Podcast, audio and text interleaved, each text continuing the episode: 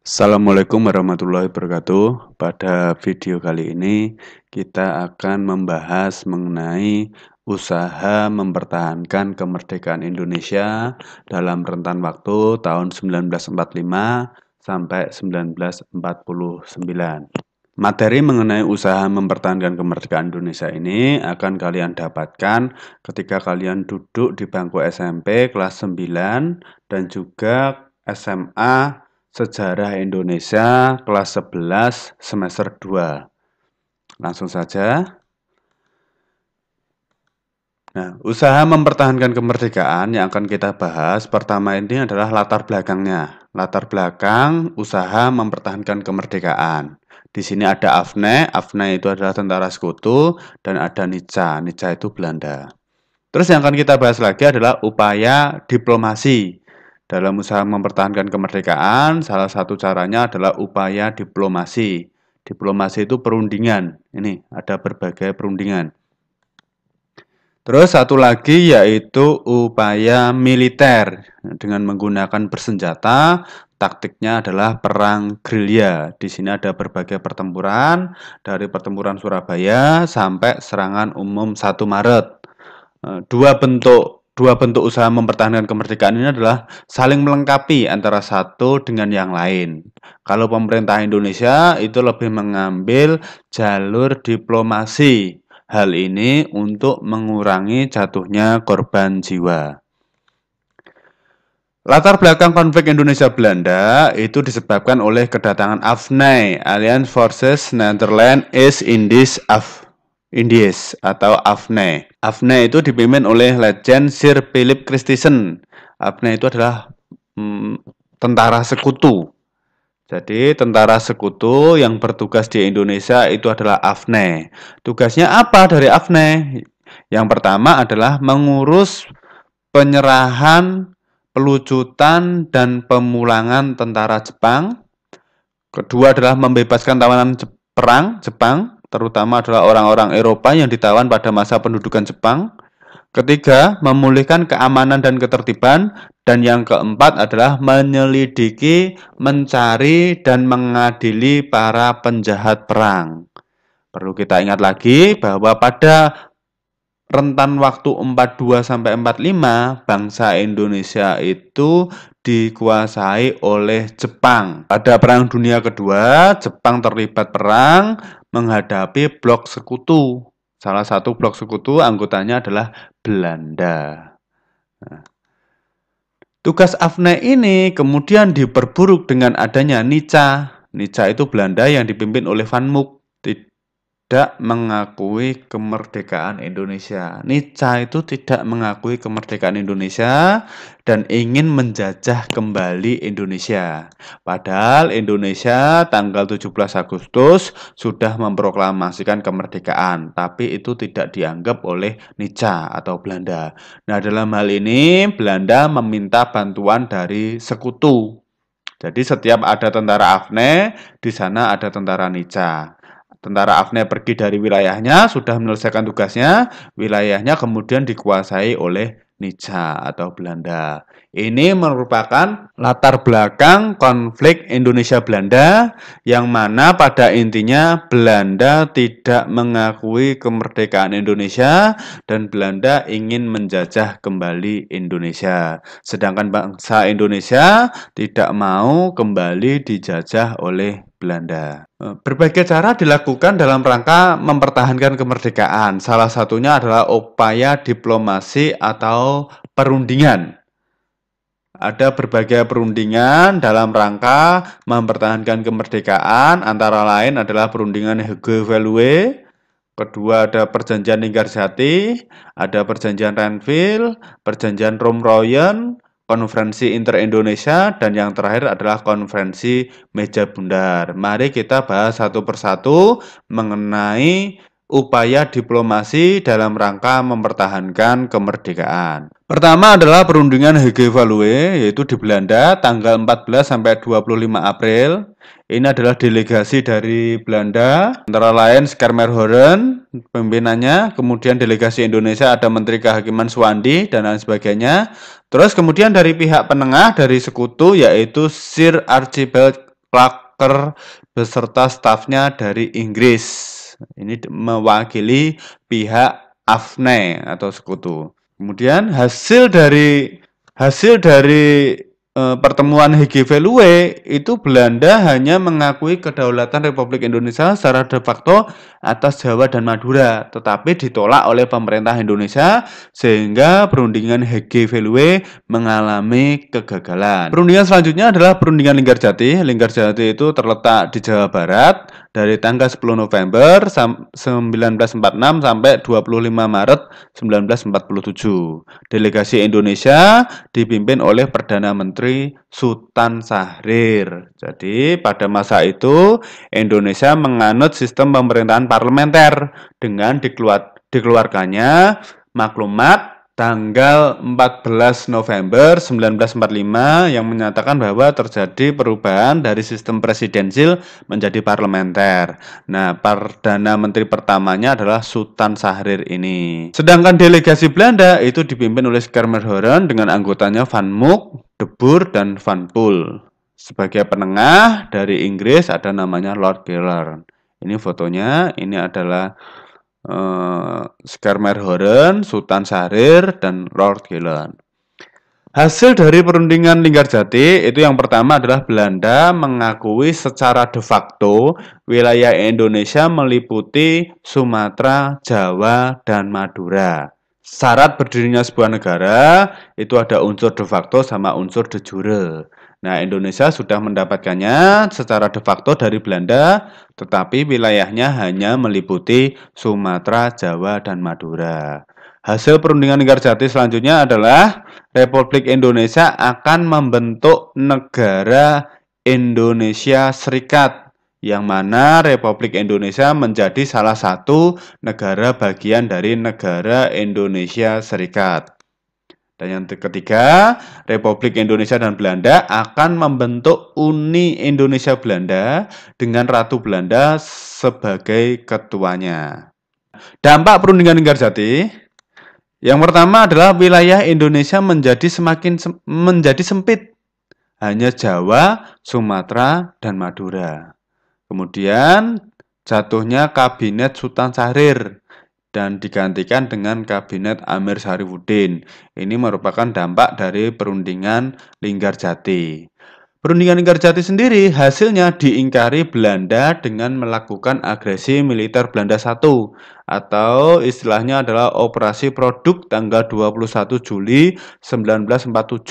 Belanda melakukan serangan ke berbagai objek vital terutama adalah untuk menguasai tempat-tempat yang kaya akan sumber daya alam dan memiliki industri. Dalam menanggapi agresi militer Belanda itu, kemudian PBB membentuk Komisi Tiga Negara atau Komisi Jasa Baik yang terdiri dari Australia yang merupakan eh, yang ditunjuk oleh Indonesia, kemudian Belgia yang ditunjuk oleh Belanda, dan Amerika Serikat yang ditunjuk oleh kedua belah negara. Australia pada saat itu bersimpati terhadap perjuangan bangsa Indonesia dalam rangka untuk terbebas dari kolonialisme dan imperialisme. Richard Kirby itu merupakan perwakilan KTN dari Australia, Paul van Zielen dari Belgia, dan Frank Graham dari Amerika Serikat. Hasil dari KTN itu berhasil mempertemukan Indonesia dengan Belanda dalam suatu perjanjian, yaitu perjanjian Renville di atas kapal miliknya Amerika Serikat yang berlabuh di Teluk Jakarta. Delegasi Indonesia dipimpin oleh Perdana Menteri Amir Syarifuddin, sedangkan delegasi Belanda dipimpin oleh Abdul Qadir Wijaya Atmojo, KTN sebagai penengahnya. Hasil dari perjanjian Renville itu antara lain satu, penghentian tembak menembak, Dua, daerah di belakang garis Van Mook atau garis demarkasi harus dikosongkan dari pasukan RI. Yang ketiga, wilayah Indonesia semakin sempit, ya ini sebagian Sumatera, Banten, Yogyakarta, dan daerah sekitarnya. Terus, Belanda bebas membentuk negara-negara federal di daerah yang diduduki dengan melalui plebisit atau pemungutan suara. Kemudian dalam Uni Indonesia Belanda, negara Indonesia Serikat akan sederajat dengan kerajaan Belanda. Dampak dari perjanjian Renville yang pertama adalah wilayah Indonesia semakin sempit, Kedua adalah jatuhnya kabinet Amir Syarifuddin dan digantikan dengan kabinet Hatta. Selanjutnya, banyak pihak yang kecewa terhadap hasil Renville karena dianggap sangat merugikan bangsa Indonesia, terutama adalah wilayahnya semakin sempit dan juga harus hijrahnya TNI menuju wilayah yang dikuasai oleh Indonesia. Nah, ini pihak yang kecewa kemudian memunculkan pemberontakan antara lain PKI Madiun yang salah satu pemimpinnya adalah mantan Perdana Menteri yaitu Amir Syarifuddin dan DITI Jawa Barat yang dipimpin oleh Kartosuwiryo yang menolak untuk long march atau hijrah menuju ke Yogyakarta. Perjanjian Renville itu kembali diingkari Belanda dengan melakukan agresi militer Belanda II atau namanya Operasi Krai tanggal 19 Desember 1948 dengan menyerang Yogyakarta. Pak Doni ulangi dengan menyerang Yogyakarta karena pada saat itu ibu kota Indonesia adalah di Yogyakarta yang awalnya dari Jakarta kemudian dipindahkan ke Yogyakarta. Pada saat serangan itu Eh, Belanda menangkap presiden, wakil presiden, dan para menteri. Sebenarnya sebelum operasi itu, Presiden Soekarno sudah diberitahu bahwa akan ada serangan dari Belanda. Tapi Presiden Soekarno tetap kekeh untuk bertahan di Jogja untuk dekat dengan KTN. Eh, dampak dari agresi militer Belanda itu kemudian PBB membentuk unci untuk menggantikan KTN. Perannya juga sama, yaitu menyelesaikan masalah Indonesia dengan Belanda secara damai. Ini Australia diwakili oleh Chrisley, Belgia diwakili oleh Hermans, dan Amerika Serikat diwakili oleh Mercedes Cochrane. Setelah perjanjian Renville terjadi berbagai peristiwa penting lainnya, salah satunya adalah ini, pembentukan pemerintah darurat Republik Indonesia di Bukit Tinggi yang dipimpin oleh Syafruddin Prawira Negara. Jadi pasca Belanda melakukan agresi militer Belanda II, Indonesia segera membentuk ini PDRI, Pemerintah Darurat Republik Indonesia di Bukit Tinggi yang memimpin adalah Syafruddin Prawira Negara. Pembentukan PDRI ini ditujukan untuk menjaga eksistensi dari keberadaan negara Indonesia karena saat itu Belanda hmm, Belanda menyatakan bahwa Indonesia sudah tidak ada. Tapi adanya PDRI itu menunjukkan bahwa Indonesia masih ada. Sebelum sebelum agresi, Presiden Soekarno sudah berpikiran bahwa kalau PDRI ini nanti gagal akan dibentuk pemerintahan peralihan yang ada di New Delhi, India. Salah satu tokohnya adalah LN Palar yang ada di India. Tapi PDRI sudah berhasil membuktikan bahwa Indonesia masih eksis. Selain itu juga terdapat serangan umum 1 Maret 1949 yang berhasil menguasai Yogyakarta selama 6 jam. 6 jam dari jam 6 pagi sampai jam 12 siang.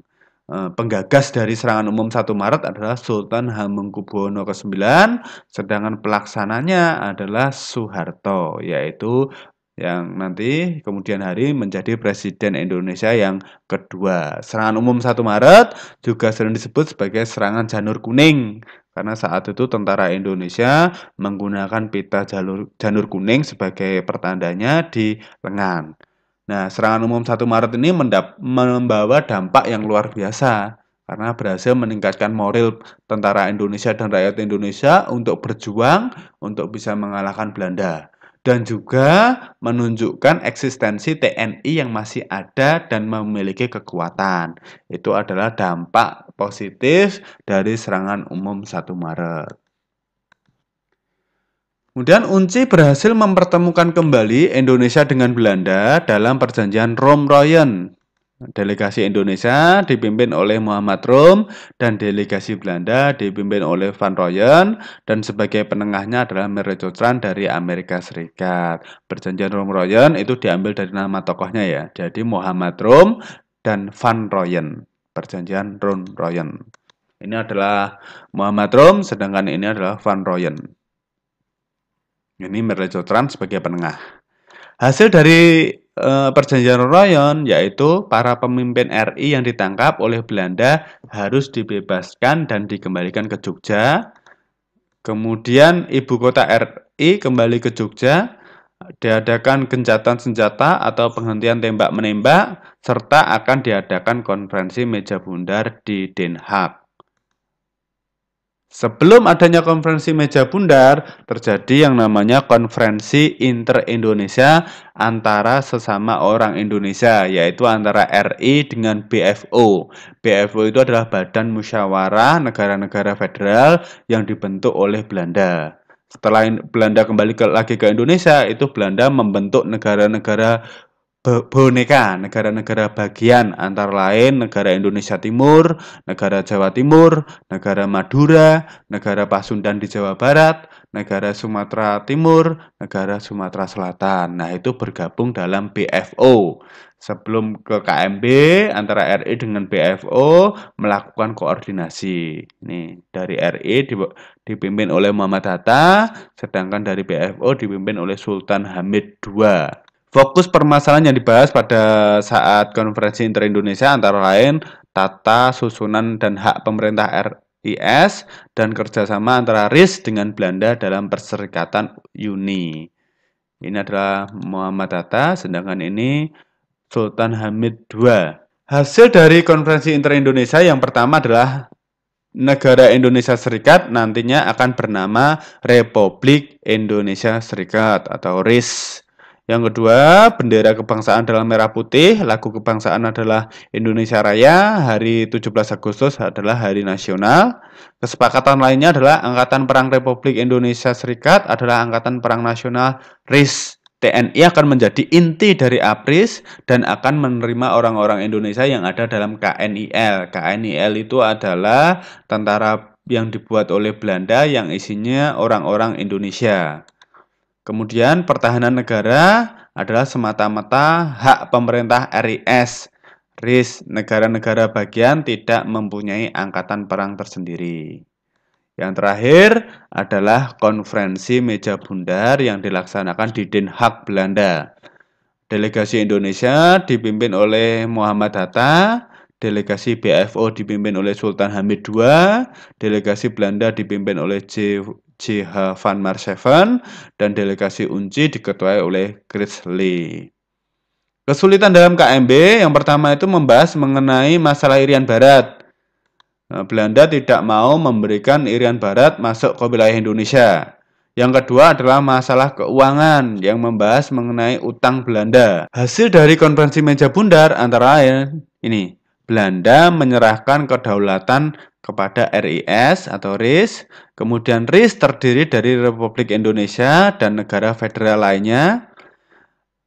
Belanda akan menyerahkan pelaksanaan kedaulatan selambat-lambatnya tanggal 30 Desember.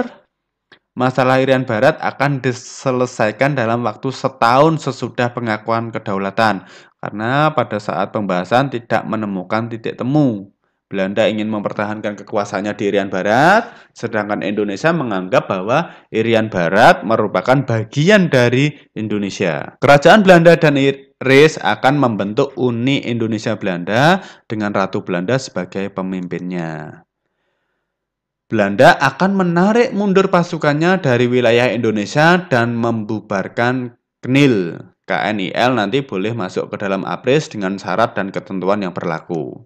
Dan yang terakhir, RIS harus membayar segala hutang Belanda. Itu merupakan konsekuensi dari pengakuan kedaulatan eh, Belanda atas RIS. Penyerahan kedaulatan sendiri dilaksanakan pada tanggal 27 Desember 1949 di dua tempat. Yang pertama di Belanda, antara Ratu Juliana dengan Muhammad Hatta, kemudian di Jakarta antara AHJ Loving dengan Sultan Hamengkubuwono ke-9. Semenjak itulah bangsa Indonesia sudah diakui oleh Belanda. Eh, Belanda juga harus meninggalkan Indonesia sehingga selesailah eh, materi mengenai usaha mempertahankan kemerdekaan terutama dalam subbab upaya diplomasi. Faktor apa saja yang membuat Indonesia, Belanda meninggalkan Indonesia? Yang pertama adalah perjuangan yang tidak kenal lelah dari bangsa Indonesia, baik dengan cara diplomasi maupun militer. Saat itu bangsa Indonesia menerapkan taktik perang gerilya, eh, tidak melakukan serangan secara terbuka, tapi secara tersembunyi, secara sembunyi-sembunyi. Kemudian Belanda tidak mendapatkan dukungan dari penguasa lokal. Salah satunya adalah Sultan Hamengkubuwono ke-9 merupakan salah satu tokoh penting dalam memberikan pengakuan kemerdekaan Indonesia. Faktor yang membuat Belanda meninggalkan Indonesia selanjutnya adalah akibat perang banyak perkebunan dan banyak industri Belanda yang ada di Indonesia mengalami kerugian sehingga Belanda kemudian merubah taktiknya untuk tidak melakukan perang, untuk melakukan eh, pengakuan kedaulatan akan tetapi masih bisa menguasai perusahaan-perusahaan dan perkebunan-perkebunan yang ada di Indonesia. Dan yang terakhir adalah tekanan dari dunia internasional, antara lain dari PBB dan Amerika Serikat, terutama Amerika Serikat karena saat itu Amerika Serikat bersimpati terhadap Indonesia. Indonesia menumpas PKI Madiun. Jadi Amerika bersimpati kalau bangsa Indonesia itu anti terhadap komunis sehingga Amerika mendesak kepada Belanda untuk meninggalkan wilayah Indonesia. Kalau Belanda tidak mau meninggalkan wilayah Indonesia, Amerika Serikat akan menghentikan bantuan Marshall Plan-nya kepada Belanda. Ini adalah beberapa faktor mengenai Belanda yang akhirnya meninggalkan Indonesia. Demikian video kali ini, semoga bermanfaat. Assalamualaikum warahmatullahi wabarakatuh.